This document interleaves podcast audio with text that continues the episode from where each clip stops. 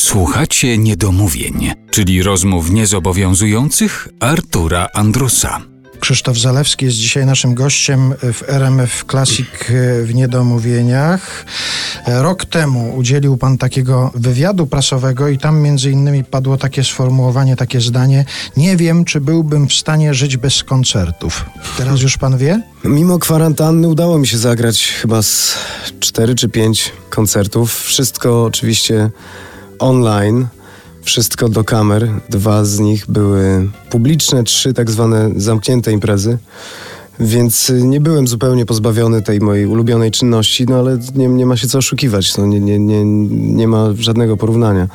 Jednak kontakt z żywym człowiekiem, widok ludzi e, naprzeciwko sceny, to, że można odczytać emocje z ich twarzy, to, że można usłyszeć, jak, jak śpiewają e, ze mną moje piosenki żar ciał, który y, emanuje w, w stronę sceny, wspólne tańce, no to jest coś, czego absolutnie nie da się zastąpić spotkaniem przez internet, więc y, odliczam dni, modlę się w duchu, że te normalne koncerty, do których jestem przyzwyczajony, wrócą czym prędzej.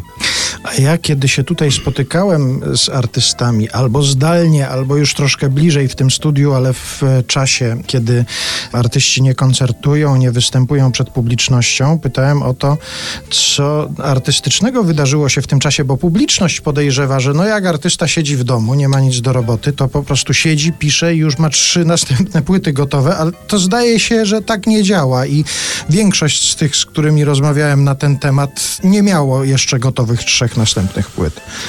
No ja byłem w tej komfortowej sytuacji, że płytę, materiał na płytę skończyłem wymyślać w styczniu chyba, koniec stycznia czy początek lutego. Potem pojechałem do Łodzi nagrywać instrumenty i kiedy wróciłem już ze wszystkimi gotowymi podkładami, nazwijmy to, okazało się, że, że wybuchła pandemia, wszystko jest zamknięte i nie mogę jechać do studiów nagrań, y, nagrywać yy, wokali.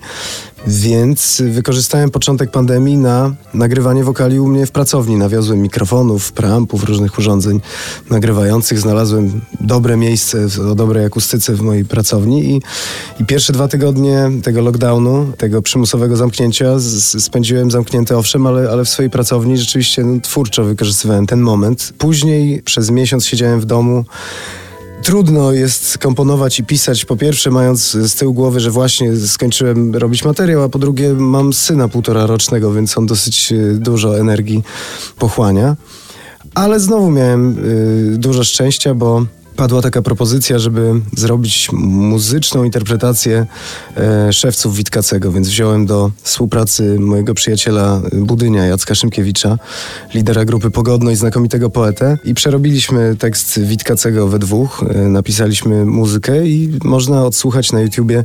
Jest to taka 18-minutowa suita, musical, mnóstwo gatunków muzycznych się tam przeplata i wciąż aktualny, może szczególnie aktualny dzisiaj tekst szewców Witkacego, więc wydaje mi się, że udało mi się w miarę kreatywnie spędzić ten czas kwarantanny. Ja teraz sobie pomyślałem, odnosząc się do tego, że rzucił pan na miesiąc, co prawda, ale jednak rzucił palenie papierosów dzięki Czesławowi Niemenowi, pomyślałem sobie, czy można pracując nad Witkacym rzucić palenie. No można, chyba jest fragment taki w narkotykach Witkacego.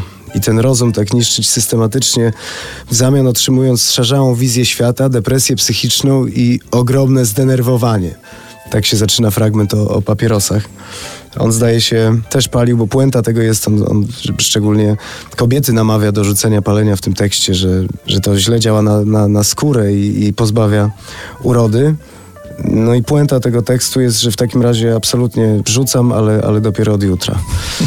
Więc tak to trochę jest z tymi, z tymi papierosami. Absolutnie powtarzam, jestem zagorzałym przeciwnikiem. Po prostu jestem ofiarą nikotynizmu. To przypomnijmy Państwu, jaki zestaw przeciwników zachęca do rzucania palenia. Krzysztof Zalewski, Stanisław Ignacy Witkiewicz i Czesław Niemen. Na razie przynajmniej, bo zobaczymy jeszcze, kto nam dołączy w trakcie tej rozmowy.